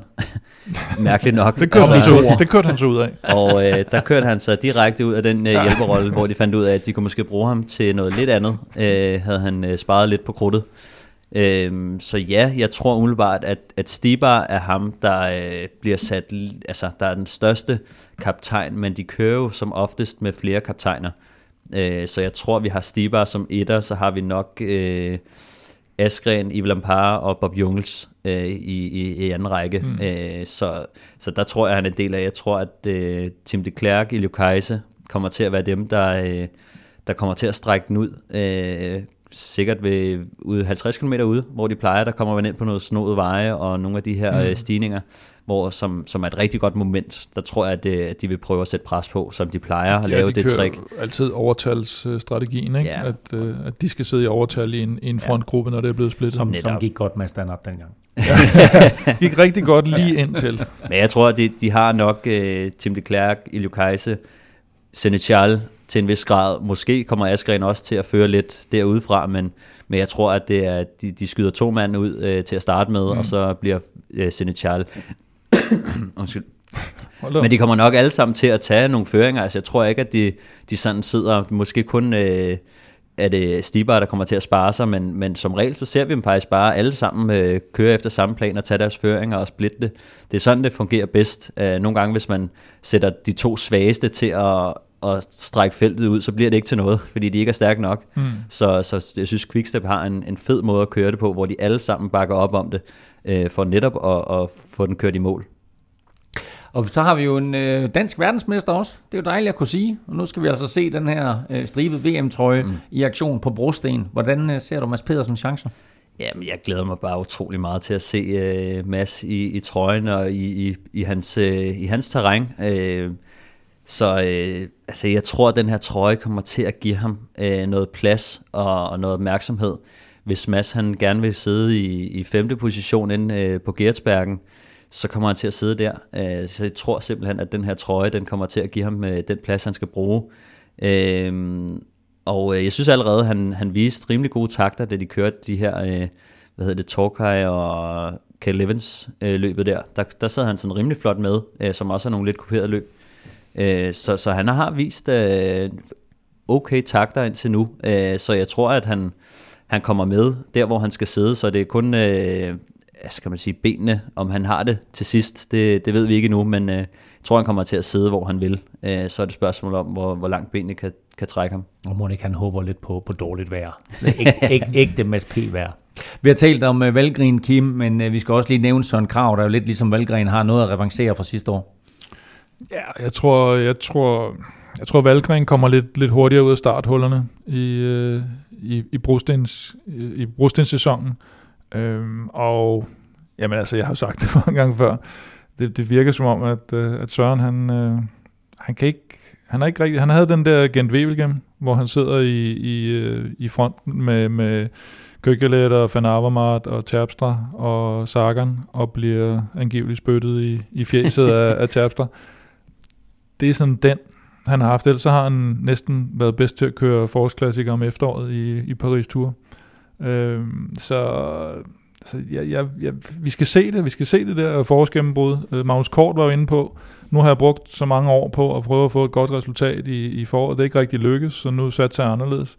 Og det vil være virkelig, virkelig ærgerligt, hvis øh, Søren Krav også skulle nå dertil, og det tror jeg heller ikke, øh, om, om så hans nærmest indtil hans karriere slut, så, så kommer han ikke til den konklusion. Mm. Øh, men det kunne virkelig være fedt at, at få et gennembrud. Jeg tror ikke, det kommer så tidligt på sæsonen. Jeg, jeg har lige tjekket vejrudsigten faktisk. Og regn og- øh, i øh, regn og der kommer til at pisse ned hele ugen, så øh, der kommer nok til at være dårligt vejr øh, Ja. til omløb.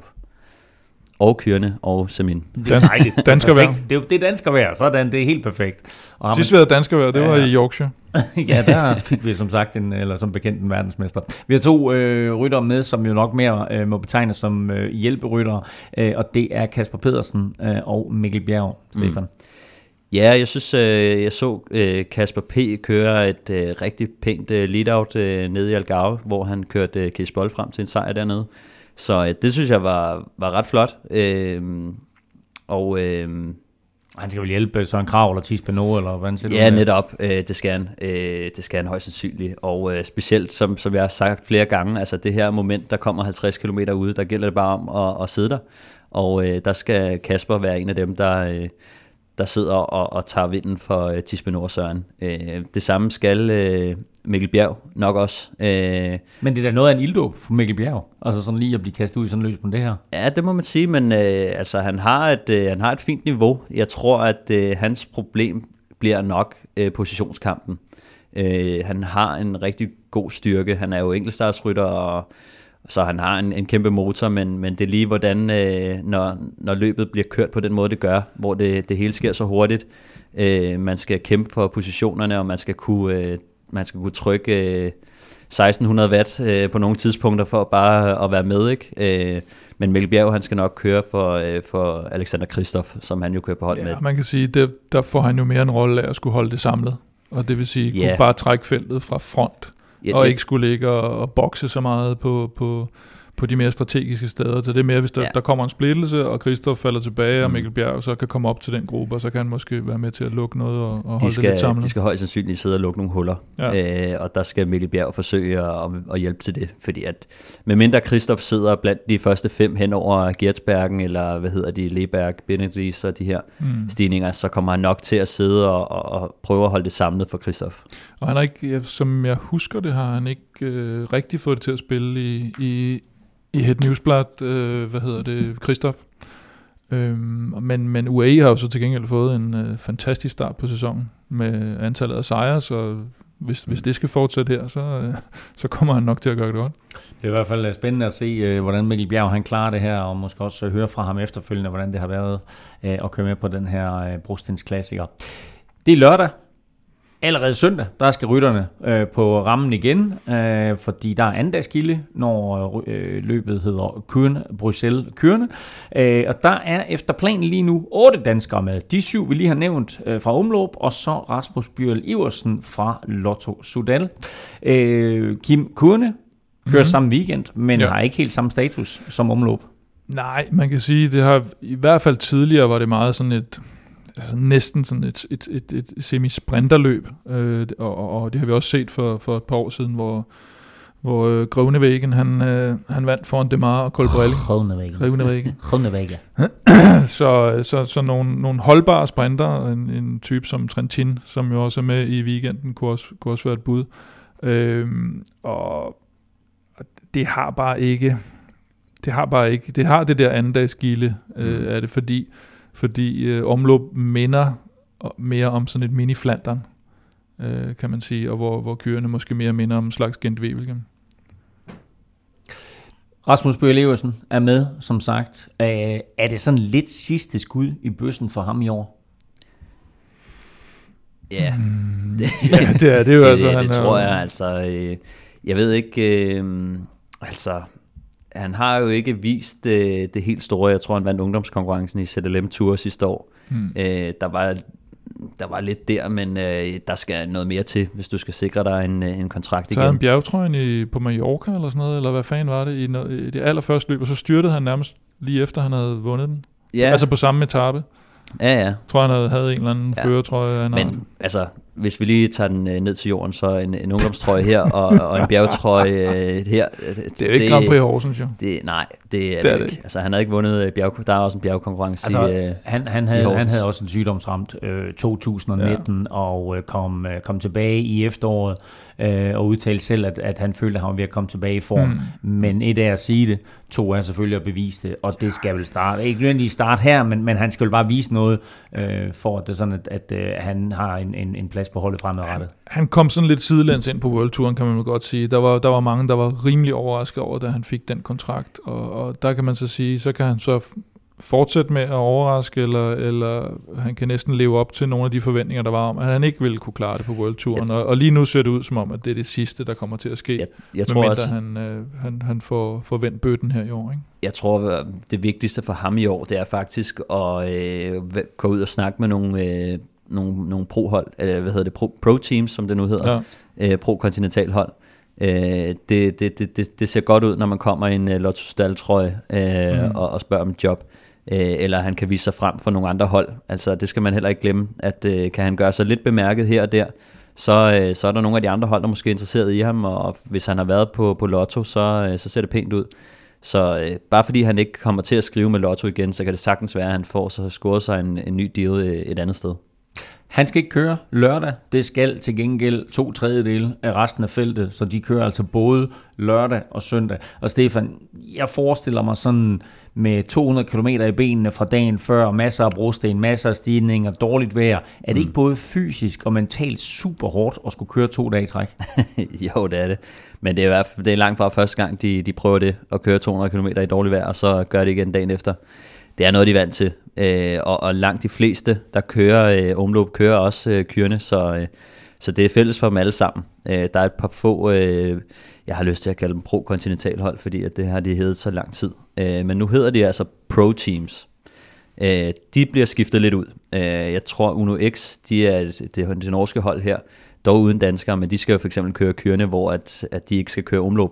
Øh, så er der det her øh, B&B Hotels Vital Concept hold, øh, som jo har Jens de Buscherte og øh, øh, Kokar med. Øh, de skal heller ikke køre omløb, så det kunne være, at, at de kommer lidt ekstra motiveret. Der er det Passer ret, også bedre til det løb, ikke? Jo, det er, det er lidt rart, at man ved, at de andre har kørt 200 km i dårligt vejr, øh, når man kommer ind med friske ben. Øh, der, der kommer en lidt anden motivation på, og en lidt anden friskhed over det. det. Det skal der ikke have nogen tvivl om. Men til gengæld også, dem som, bliver, øh, som taber løbet tidligt, øh, lad os sige nogen, der bliver fanget i vinden 50 km ude, hvis det er det, der kommer til at ske, de kommer jo til at slappe af, øh, hoppe ind i bilen, og så er de klar øh, til kørende. Så det er oftest den her øh, Redemption Day øh, dagen efter, ja. Afslutningen den er lidt anderledes i år. Der er kun én omgang på flad vej i stedet for to omgange. Det vil sige sådan cirka 15 km i stedet for normalt 30 km. Hvem til gode sætte? Ja, det er til gode dem, der gerne vil angribe. Altså sprinterne får lidt sværere ved at, at trække den hjem til en spurt. Øh, det er 30 km er rimelig meget, 15 km det kan godt lade sig gøre at holde hjem, hvis man, øh, hvis man angriber ud fra, fra bakkerne derude. Så, så selvfølgelig bliver det lidt sværere for sprinterne, men, men øh, på den måde synes jeg, det bliver mere øh, spændende at følge med i kørende, fordi at, at der, der er større incitament til at angribe lidt udefra. Og det er nok øh, mere korrekt at kalde det kørende end Bruxelles, fordi rytterne de kommer altså ikke i nærheden af kørende, det har, eller i nærheden af Bruxelles, og det, det har de faktisk ikke været siden øh, slut 60'erne. Løbet er på øh, 201 km, der er 11 stigninger øh, undervejs. Øh, vi skal ikke tale mere kørende nu. Til gengæld, så skal vi tale meget mere omløb lidt senere i udsendelsen. Men først skal vi lige sige tak til de mere end 430 lyttere, der nu støtter, støtter os på tier.dk. Øhm, Stefan, jeg føler, at det her det er lidt ligesom Kim på en cykel. Slowly but steady, der er vi på vej mod 450. Ja, altså jeg synes sidst vi, vi nævnte noget om Matti, så gik det faktisk meget godt, men, øh, men, men det går den rigtige vej. Øh, vi er på 438, og derfor så nærmer vi os øh, næste benchmark på 450. Og Kim, du løftede jo lidt sløret for øh, sidste uge, hvad der var i Matti pakke 2. Øh, nu har du sådan øh, faktisk fundet det hele frem der. Hvad, Ja, ja, ja. hvad har vi? Ja, vi har handsker, har vi. Ja, og de er fra Cannondale. Cannondale. Så har vi... Ærmer. Det må være ærmer eller nogle Ah, det er- utrolig små lov. Ja. Øh, Enten ærmer for... Herreærmer eller kvindeben. Det ser sgu faktisk lidt øh, sjovt ud med den. Ja. Øh, for, nå, det er ærmer. øh, Giordana Astana. Ja. Og så har vi øh, skoovertræk i størrelse øh, lille sko. Også Astana. Og så har Og vi de der, det de her, er så det ret ligner fede. mere professional compression. Fy for satan, det er kompressionssokker det her. Ja, det er, et det er spørgsmål, om vi kan- kompressionsben. Det er, kompressionsben. Det er spørgsmål, om vi kan udgive det. Hvis øh, man, og stadigvæk øh, have vores ære i behold. Hvis man kigger på, på min Instagram story, så, så kan man se, hvad den også kan bruges til. Okay. Det er også spørgsmål, om vi skal prøve at varedeklarere nogle af den, fordi hvis, øh, altså, vi taber jo al ære, hvis vi begynder at uddele øh, Og, og kompressionssokker her, i... Øh, her med en Nå. opfordring til at gå ind og tjekke uh, Stefans Instagram-profil. Og der er selvfølgelig også den ekstra lille præmie, som bare jeg fandt, sæt- jeg ja. fandt en Veloropa-kasket derhjemme, som jo er helt udgået nu. Sådan. Det er altså den her super fede pakke, som vi udlover ved 450, og den kan altså blive din, hvis du støtter Velropa Podcast. Men det betyder altså, at du skal tilmelde dig, inden vi rammer de her 450.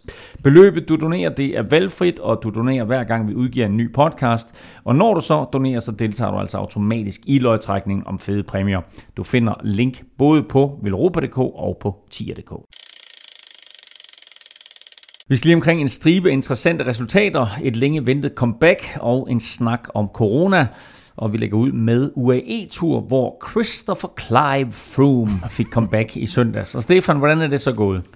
Øh, jamen, det gik lidt som forventet. Øh, han måtte jo slippe øh, lige omkring, når finalen startede, øh, der hvor de begyndte at køre lidt ekstra stærkt. Øh, jeg havde, altså, inden løbet startede, så sad jeg og tænkte sådan, det bliver virkelig spændende at se, hvor han er henne, men det kunne have været sjovt, hvis han havde siddet med fremme og, og blandet sig, og det havde jo det havde været sjovt at tale om så i forhold til Tour de France og så videre, men, men han er altså stadig et stykke fra, hvor han, hvor han burde være på nuværende tidspunkt, øh, så der er ikke noget til at sige til, at øh, han er kommet sig over en, en lang skadesperiode, og, og han, han, han siger, at han stadig har lidt svært ved at gå og så videre, så øh, jeg, lige nu så ser det svært, ud i forhold til at, at, at ramme øh, Tour de France i, i god form, når, når man er så langt fra. Øh, det havde været rart at være i, i, i nogenlunde form på, på det her tidspunkt. Øh, jeg kan lige tilføje, at øh, på dagens etape, jo, øh, den, den seneste, der bliver han 5 minutter efter, øh, som nummer 59 på dagens bjergetappe. Ja, så det, men så har han nok også sluppet det omkring, hvor finalen præcis, præcis. Oh, men der er altså så. kun en lille stigning der. Ja. Øh, for lige at gennemgå løbet hurtigt, så endte første etape i en masse spurt, der blev vundet af Pascal Ackermann, mens øh, Caleb Ewan for andet år i træk øh, vandt anden etape til, eller på den her lille stigning, Hatterdam. Tirsdagens etape med bjergafslutningen øh, til Jebel Khafet øh, blev vundet i overlegen stil af Adam Yates, øh, der dermed også tog løbets førertrøje, og øh, onsdag tog Dylan Grønnevæggen sin tredje sæsonsejr i en masse spurt, hvor han blandt andet besejrede Fernando Gaviria og Ackermann, mens Pogacar vandt torsdagens fjerde etape foran Lutsenko og Adam Yates. Sidstnævnte sidder stadig tungt på føringen inden løbets to afsluttende etaper, der er fredag og lørdag, og begge to er flade, så den ligger altså til Yates den her. Vi vidste godt, at øh, han var god, det har vi faktisk vidst længe, men måske er det ved at gå op for sportens andre store stjerner, at Remco Evenepoel er noget ganske unikt. I Volta Algarve, der vandt han den afsluttende enkeltstart og blev dermed også samlet vinder af løbet. Kim, ham her, han er virkelig ved at slå sit navn fast. Ja, han er, han er en ond, en ond gut. Øh, ja, altså enkeltstarten, hvor han, øh, hvor han stiller op i den her, øh, jeg skulle til at sige specialsyet, men det var den jo så slet ikke. Øh, men øh, arrangørerne, de, de har jo en, øh, en, en speedsuit, som de, når man er i den gule trøje, giver en, øh, en rytter, og den, øh, den var i hvert fald et nummer for stor, eller, eller ikke... Han sad slasket lidt på ja, den slaskede lidt, ikke? så den har nok kostet ham i, i hvert fald en, en måske 5 sekunder, hvis vi skal være bare flinke. Ja, og, og alligevel så besejrer han, han altså verdensmester. Så slår han Dennis, ikke? Han Dennis. Og, og, og, og, de gode, og så vinder han anden etape øh, i, i en poncheur-afslutning foran øh, Schachmann, Dan Martin, Rui Costa, Tim Wellens, som jo er, er indbegrebet af poncheur-afslutninger nærmest, og... Øh, og, og, og får kørt sig helt ud på en af etaperne, og så ja. han er sådan helt smadret bagefter, ikke? Og, og nu skal han køre Giro, og så, altså, så tænker man bare, jamen det, det bliver sgu lidt spændende så kan man ikke rigtig se, hvorfor han ikke skulle gøre det godt, Nej. men øh, jeg forstår stadig ikke, hvordan en mand, som lige er blevet 20 år, at han kan køre så stærkt. Altså, ja. det, Fem sejre jeg, jeg forstår det ikke. Altså, det kan ikke lade sig gøre, når man kun har kørt på cykel i hvad, 4-5 år. Bare starte med at spille fodbold. Lad os sige det måde. Belgien, de er helt op og ringe i øjeblikket, fordi det her, det kan altså blive øh, den næste store øh, cykelrytter for dem, og ikke kun sådan noget endags øh, klassiker, halløj, men især ja. i de store etabeløb. Så øh, meget, meget spændende fremtid. Han går i møde, og Belgien går i møde med ham. En anden, der for længst har slået sit navn fast, det er Nairo Quintana, men det kan da godt være, Stefan, at vi skal til at tale lidt mere om øh, den lille kolumbianer igen.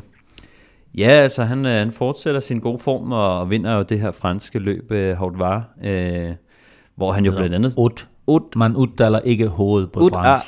Og Ut var. Ut var. Ut det er Anis indelukke. Hvor han jo blandt andet slår Ibo Ino. Og, øh, øh, og Romain Bardet øh, på deres, øh, kan man sige, hjemmebane, i hvert fald i, i Frankrig.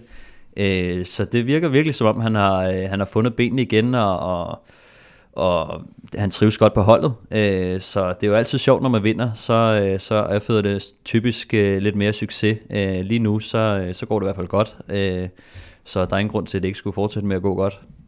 Det er altså også ganske interessant at, at følge Nairo Quintana nu her øh, i den kommende sæson, og, og se, hvad han byder ind med på i nogle af de store etabeløb.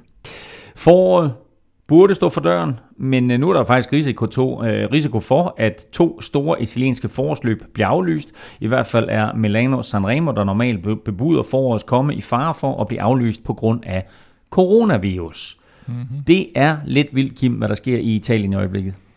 Ja, hvad der sker alle mulige steder, kan man sige, men, øh, men, men i Norditalien i hvert fald, der har de da fået lukket godt ned for, for de forskellige ting, og specielt Milano Sanremo er selvfølgelig i, i fare. De taler også om øh, Strade Bianche, som ligger noget længere sydpå i Toscana. og øh, Ja, så så jeg i, i dag så jeg på Twitter en eller anden, var det Lombardiets, øh, jeg ved, sådan noget hedder nok ikke borgmester, men, øh, men øh, hvad hedder det, regions whatever, der skulle forsøge at tage sådan en maske på, der skulle sidde, og, og det, det gik værre, da, Bal, da Balotelli han skulle tage en overtrækstrøje på, det var, det var meget spøjst at se på. Ja, det forstår jeg, det skulle lige forklare lidt. Ja, men du har de her ansigtsmasker, så han skulle ligesom vise, hvordan øh, befolkningen der skulle tage sådan Nå. en på, og det tog ham sådan omkring halvanden minut, ikke at få den på, øh, og, og brillerne røg ind i, og Det var, noget meget, det var noget meget mærkeligt noget. Øh, men øh, nok om det, fordi øh, Paris-Nice øh, skal jo starte her 8. marts efter planen og slutter med, med to etapper nede i øh, Nice-Cannes-området, som jo ikke ligger super langt fra øh, hverken Norditalien eller Monaco, hvor der også var noget tilfælde her, og de har lige aflyst en eller anden var det en blomsterfestival i Nice eller et eller andet. Uh, og det, ja, det, det ja, kan vi så, ikke det, det, så, så det, det spreder sig, og, og, og, og tendensen lige nu er, at øh, man hellere aflyser et arrangement for meget end, end, end et for lidt. Og, og netop de der to etapper nede i Nice er jo i modsætning til meget andet, hvor du kører sådan meget fra A til B, så er det lidt det samme område, du befinder dig i. Derfor kan der godt være rigtig, rigtig mange tilskuere samlet på, øh, på de Og det, er, og det er jo netop det her, det er jo ikke så meget for, at det sådan, at, altså det er jo netop det her med at, at have mange samlet Ja. på sig, og, og derfor har de også aflyst, eller udsat i hvert fald, øh, nogle fodboldkampe, mm. øh, var det Juventus mod Inter, som Ja, jeg så eller uden kom, kommer til at blive spillet uden ja. tilskuere, ikke? Så øh, det er, man er altså meget opmærksom på det her. Men øh, vi håber naturligvis, at øh, corona øh, går lidt i sig selv igen, og at Milano Sanremo og Strade Bianche naturligvis bliver kørt, og ikke mindst selvfølgelig, at modeugen i Milano jo ikke bliver aflyst. Det vil jo være den største. Den er aflyst. Er den aflyst? Det tror jeg. Ej, Ja, det mener jeg det kan de sgu da ikke. Nej, men det er det. Det er der, vi er. Ej, nej, nej, nej, nej, nej. Det vil Jørgen let blive ej over.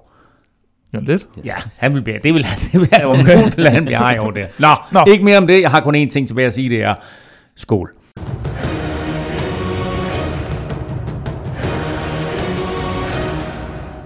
Lige om lidt får du spilforslag bragt i samarbejde med Odset fra Danske Spil, men først er det blevet tid til stjernestatus. Jo, tak. Fordi øh, sagt på en anden måde, så skal vi jo have Kims længe savnede og ventede stjerner, og naturligvis øh, bliver de første i år leveret til omlop Head Newsblad. Mm-hmm.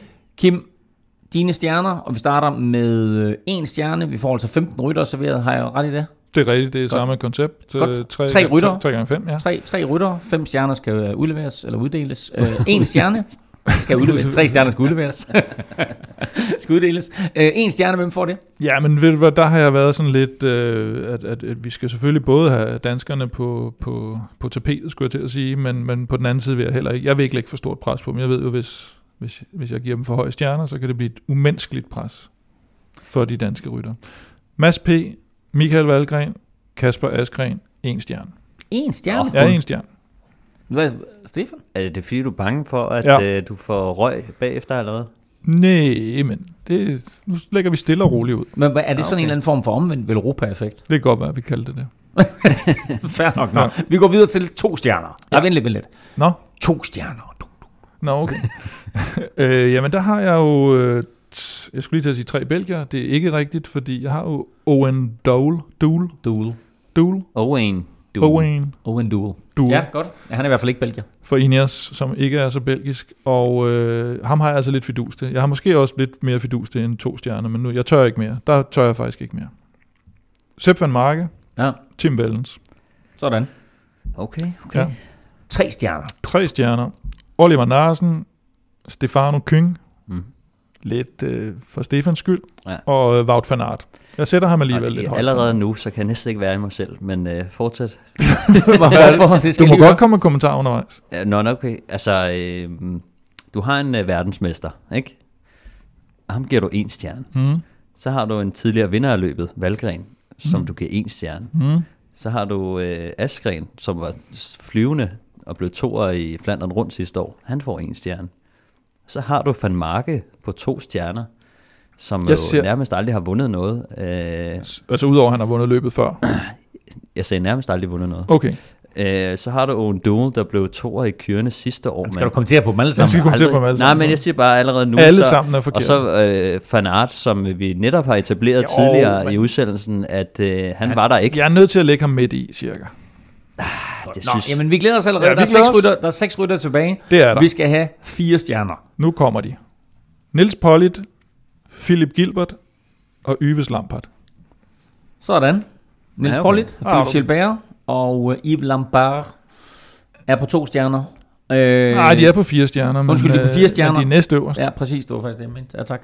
Godt. Og øh, det er spørgsmålet, spørgsmålet, de kunne lige så godt have været øverst. Ja, Det er virkelig stærke, stærke drenge, dem her. Ikke? og nu. Og så de fem. Kims favoritter. Fem stjerner. Der har vi Greg van Avermaet, vi har Stibar, som jo vandt sidste år, og så har jeg taget Dylan Tøns.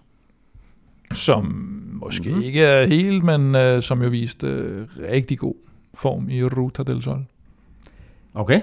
Så, han kørte lidt forkert. Han, han kørte lidt forkert en enkelt gang, men ellers... Men nu skal de køre ja. i Belgien. Præcis, og der er kun én vej ja. der. Han blev femmer sidste år. Ja, ja. Den er ikke tosset, hva'? Den er faktisk ikke helt tosset. Den Nej, er, er lidt fræk, faktisk. Ja, lidt fræk også. Så udover Fanart og, og danskerne er lidt forkert baseret, så, øh, så, så, så skal jeg faktisk bedre, godt lide den. Stefan, er det ikke ja. lidt fornemt af Kim, at han tager etteren og toeren fra sidste års Stibar og øh, Greg van Avermaet, og så lige supplerer med turns der i toppen? Mm, jo, det er det, men det bliver man jo nødt til. Altså, øh, det, det ved jeg det ved jeg sgu ikke. Øh, jeg synes, øh, jeg synes det, bliver man nødt til. Altså, i... Sådan. Jamen prøv at høre, der var de. Årets første stjerner fra, fra Kim Plesner, og det bringer os jo direkte videre til øh, nogle spiltips til weekenden. Vi skal have de tre sædvanlige. Velropas vinder, Stefans staldtip og Plesners podie. Og Kim, vi lægger ud med Velropas vinder. Ja, nu får jeg næsten lyst til at sige Dylan Tøns, men uh, lad os tage ham, vi uh, egentlig havde uh, regnet med. Uh, Greg van Avermaet, der gav os 7. Det var så vel at mærke inden uh, Van Pol, han okay, udgik, ja. så det kan godt være, at det så også man skal lige skynde sig. Skynd dig. Ja. Uden, uh, uden Van der Pol er det klart, at nogle af de her odds her, de ændrer sig altså meget, meget hurtigt. Men ja. uh, odds 7 på Greg van Avermaet er i hvert fald kanon odds. Ja. Stefans staldtip. Ja, vi skal, vi skal ned og have fat i Mads, øh, Mads Pedersen. Øh, Som får en stjerne af Kim. Ja, en stjerne. øh, nej, men øh, verdensmesteren øh, viser, viser rimelig god form i Australien. Jeg tror, han, han kan noget her. Øhm, en top 3 til Mads, synes jeg lyder fornuftigt. Selvfølgelig en lille smule satset, men til gengæld, hvis man får et 12 på det, så, så synes jeg, det er, det er ret pænt. Altså, ja. vi har set ham øh, være en, en stodder i regnvejr. Det bliver regnvejr. Ja. Øh, vi har set ham, han kan spurte. Øh, så kommer han hjem i en mindre gruppe, så skal han nok tage en top 3. Det synes jeg er et øh, kanonodds øh, 12 på øh, verdensmesteren i jeg top 3. Jeg håber, du får ret. Vi håber alle sammen, du får ja. ret. Og så sidst, men ikke mindst, Plesners ja. podie. Der har vi jo så store, stærke Niels Pollitt. Også odds 12 i top 3.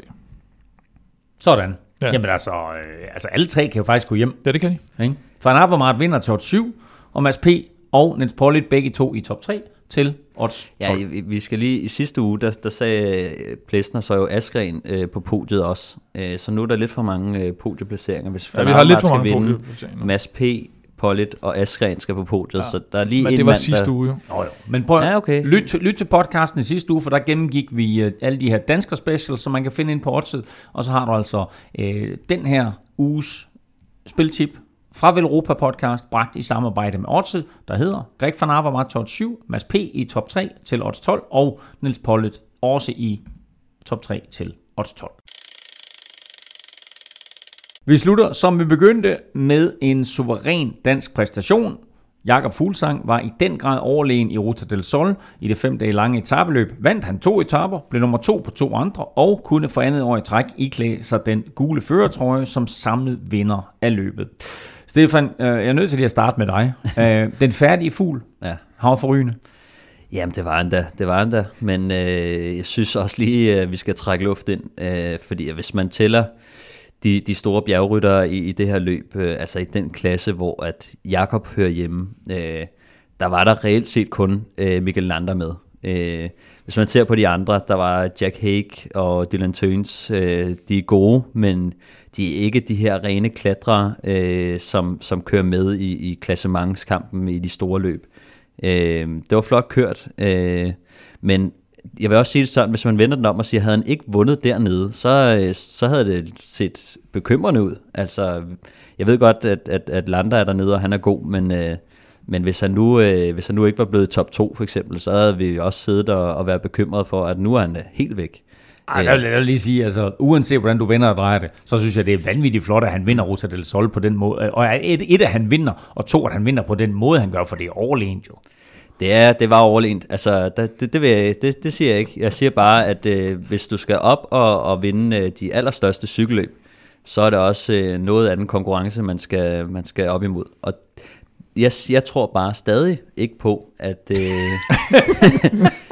at øh, Godt. Jeg, står, rundt. jeg, står, jeg står på dig her. Det der, det fører ikke, det fører ikke nogen sted hen. Nej. Kim, no. altså i modsætning til Stefan, er du så enig med mig, at det her det var en, en øh, meget, meget flot præstation, øh, og så kan man selvfølgelig vente om og måske sige, okay, var Fuglsang, øh, altså, det her sejren her, var det et udtryk for, at Fuglsang, han bare er i super form, eller at, øh, at de andre ikke er toppet endnu, eller er han bare tilbage på det niveau, som vi så om sidste tror, år? Altså, han, han vandt den jo også sidste år, som sagt, ikke? Og, og, øh, og jeg tror ikke, motivationen er blevet mindre af alt det her Ferrari-gejl, der var op til. At der har han tænkt, nu skal den satan ned mig have en over nakken, ikke? Øh, Udover at Jakob nok ikke er sådan en person, der tager sådan en sag som Ferrari, sådan, så lader så gå på så meget mentalt, som mange andre ryttere måske ville have gjort, øh, så, så har han jo bare fortsat, som Kort også var inde på i sidste uge, så, så, så er det ikke noget, der forstyrrer hans træning heller, og, øh, og så, så kunne man også se på, da han kørte over stregen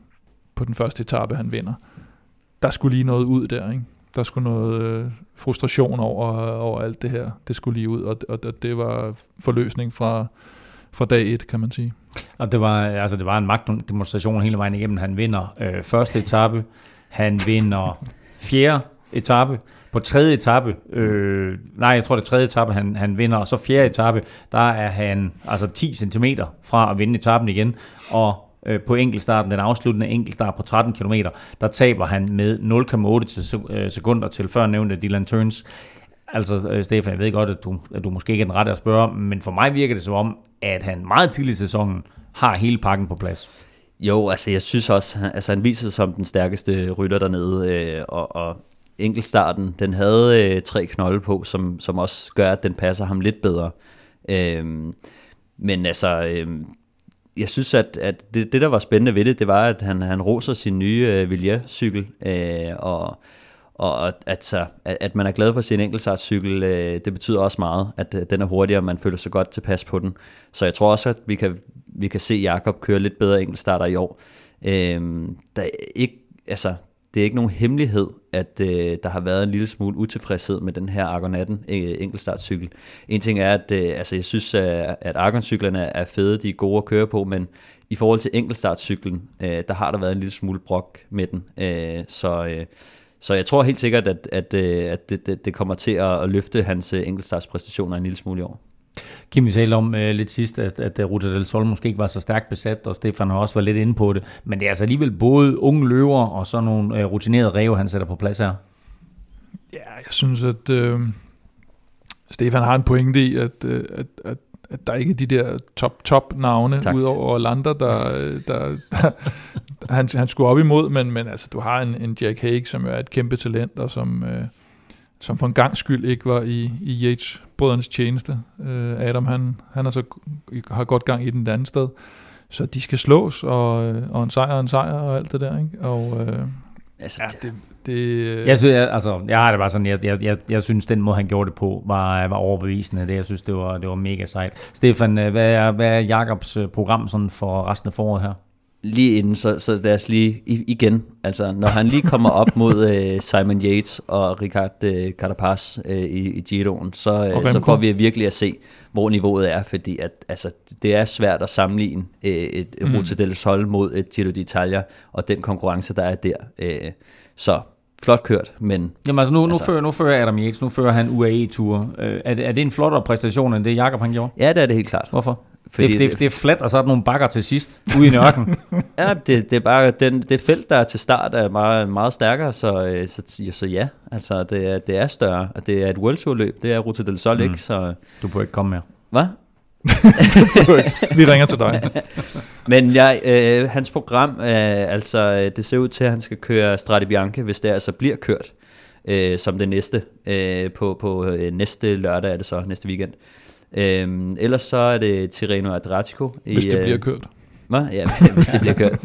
øh, I midt marts. Og, og så er der faktisk en måned før Ardenner-klassikerne, som han skal køre, hvor at, som jeg kan se det i hvert fald, er der ikke noget fastlagt, men, øh, men umiddelbart, så, øh, så, så, så, så er det ikke så godt at holde en måneds pause, jeg gætter på, at han skal køre Baskerlandet rundt, ligesom han også gjorde det i 2019, øh, så hvis det bliver kørt. Øh, Ja, så, så det, det er nok uh, programmet. Men altså, det, det bliver et lidt andet billede, hvis Strade Bianche og Tirreno bliver aflyst. Uh, så, Men han er også nødt til at holde lidt mere pause, hvis han både skal køre den og Giro.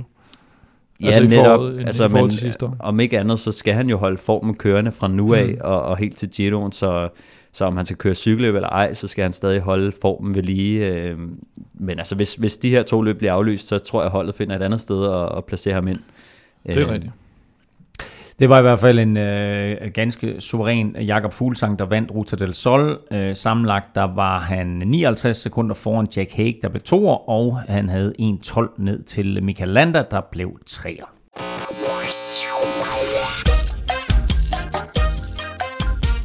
Endnu vigtigere end dansk succes på landevej og bane og alskens verdensrekorder, der er afgørelsen i quizzen. Jeg stillede jer et spørgsmål tidligere, Mm der hed, hvem blev bedste dansker i omløb Het Newsblad sidste år? Og øh, Kim, du er bagud 2-0. Du har serveretten. Det betyder, at du bestemmer, om du vil øh, svare først, eller du vil lade Stefan svare først. Jeg vil svare først. Du vil svare først, ja tak. Og øh, hvem mener du blev bedste dansker sidste år? Mads Wirtz. Mads Wirtz er et fremragende bud. Okay. Stefan, hvad siger du? Det var lidt farligt faktisk. Øhm, det er et godt bud. Det er godt bud. Jamen, jeg, jeg synes også, at det var sådan et løb, hvor at det, det ikke var nogen af de store, øh, altså dem, vi havde store forventninger til, der gjorde det godt der. Mit, øh, mit bud ville så være en Magnus Kort. Ja, Det var også mit øh, nummer to bud. Men, Godt. Øh, Jamen, jeg vil sige det på den måde, at øh, I er sådan set øh, på rette vej, fordi hverken Mads Wirtz eller Magnus Kort er med i år. Og det er ham, der blev bedste dansker sidste år, heller ikke. Så I får et bud mere. Okay. Kim Mathieu Bruchel. er også et godt bud. Og han er ikke med Jeg ved, år. han ikke er med i år, nemlig. Det er korrekt, men han var med sidste år. Måske. Øh, okay, den gjorde det faktisk øh, væsentligt sværere, den der. Øh, fuck. Nej, ikke ham. Nej. Josefine. Josefine. Josefine Hun, Fock. hun gjorde det ikke. Fuck. Hun ruskede. Øh, jamen, så ved jeg sgu ikke, så er jeg sgu lidt på halen over det. Ja, men, så du Øh, opgiver. Du Du, pas. du er inde på startlisten, nu kan jeg se på... Det kunne jo godt være Mads Bruchel. Det kunne det snilt være. Må man godt sidde Mikkel Honoré var ikke med. Øh, må, man godt, må man godt sidde inde på Pro Cycling Stats, mens vi har quiz? Man må ikke google. jeg har haft uh, Pro Ja. Cycling Stats startlisten på umløb uh, fremme uh, Ja. under hele Godt. udsendelsen. Vi skal bare have et... et, et, det, Mikkel Honoré, blev sagt. Hvem har sagt? Mikkel Honoré? Ja, Ja, han kørte øh, ikke Øh, sidste år. det gjorde han ikke. Det korrekte svar er ingen af de fire, I har nævnt her. Det korrekte svar, det er Chris Juhl Jensen. Åh, Han blev ja. nummer 34, ja. og okay, øh, det var også langt. Valgren blev nummer 45. Var det så for to år siden, Mads Wirtz blev næstbedste dansker? Det, det, det, det er meget muligt. Giver det et halvt point? Det er meget muligt, Kim. Øh, lidt skuffende. Var der ingen point til øh, nogen af jer her, og dermed så er stillingen altså fortsat 2-0. Men i øvrigt, Til så kan jeg fortælle, Stefan. at øh, jeg skrev lidt med Mads Wirtz, og han, øh, han blev, jeg tror han blev nier øh, på enkeltstarten i Algarve. Og jeg synes, tier her. Øh, det var også det, jeg sagde. Øh, og han var meget glad for sin, øh, for sin cykel, og synes, at øh, det, det gik rigtig godt. Så han var spændt på at se. Der var lige noget øh, udstyr, øh, de manglede. Altså, øh, han var lidt utilfreds. Jeg tror, at øh, de havde ikke fået de headhjul, de skulle, øh, de skulle have endnu. Så altså, jeg tror, at Nils Pollitt, han, øh, han Hvor havde det hen der? Men han følte, at han var i god form. det var bare, at øh, nu hvor du sagde, Ja. Mads Wirtz, og vi var inde på ham, at øh, Ja. det var sjovt at se, at han, Men han var i god form, han var i god form. og Ja. havde god cykel. Var god cykel. Og så skal der ikke mere til. Så, så ved vi fra Så Magnus mere Kort, så, så kan man med en cykelløb. Vi har ikke mere til dig i øh, den her ombæring, men øh, husk, at du kan følge os på de sociale medier, og som Stefan fortalte lidt tidligere, så har han altså lagt en øh, lille video op på Instagram, der viser, hvordan man kan bruge sådan nogle øh, kompressionsben øh, på, en, øh, på en anderledes måde og på en anden kropsdel. Kim kan du følge på Facebook, Twitter og Instagram. Det sker på Snablag Velropa, og skal vi huske at sige, også på Snablag Speedy Plesner. Stefan finder du på Twitter på, snab, øh, på Snablag Stefan Juhus, og han kan altså også findes på Instagram. Undertegnet finder du alle steder på Snablag NFL Ming. Tak for nu. Tak fordi du lyttede med. Øh, tak til vores partner, Otse fra Danske Spil. Salut an Grak Gedan.